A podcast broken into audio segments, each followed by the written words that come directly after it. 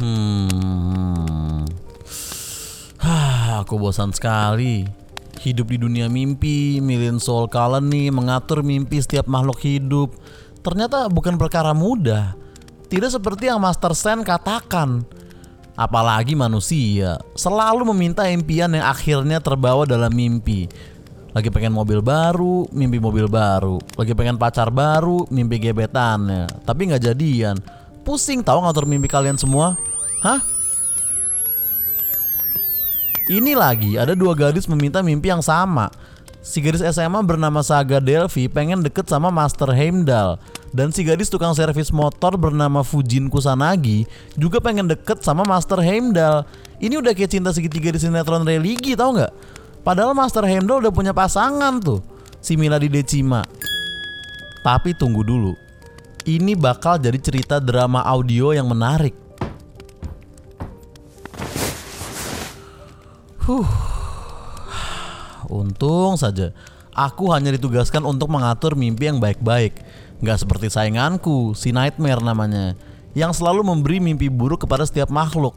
Emang sih, agak disturbing si Nightmare. Itulah alasan kenapa aku nggak akur dengannya. Biasanya dalam bekerja, aku selalu dibantu oleh dua peri perempuan. Imera, peri yang memberi mimpi di siang bolong, Hmm, terutama buat yang suka tidur siang kayak si Astra yang sekarang jadi vesselnya Angling Dharma. Nah, yang satu lagi nih, namanya Nikta yang ditugaskan untuk memberi mimpi di malam hari, seperti biasanya dong. Tapi kok aku belum melihat Imera dan Nikta dari tadi? Di mana mereka berdua sekarang? Hmm, palingan sedang menjalankan tugas harian ya. Ya sudahlah. Hah, daripada nggak ngapa-ngapain, mending baca-baca mimpi aja di perpustakaan mimpi. Siapa tahu ada kisah yang menarik.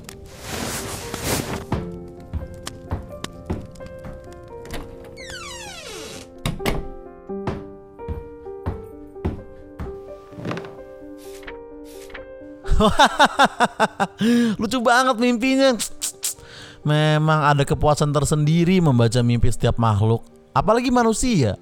Kadang-kadang ada aja kisah yang lucu. Seperti seorang cowok yang lagi mesra-mesraan. Pas mau cium ceweknya, tiba-tiba alarm menyala. Ternyata cowok itu cium gulingnya. Ada-ada saja.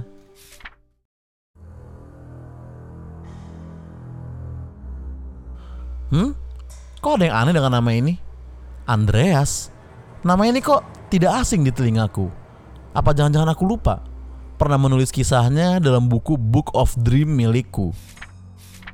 Di sini tertulis bahwa mimpi Andreas belum selesai. Apa maksudnya? Masa aku bisa menulis mimpi seseorang yang belum kelar sih? Waduh, gawat ini. Jangan sampai Master Sen tahu. Apalagi kalau sampai si Nightmare tahu. Bisa dibully habis-habisan aku. Apa boleh buat? Aku harus menyelesaikan mimpi Andreas sebelum mereka semua pulang.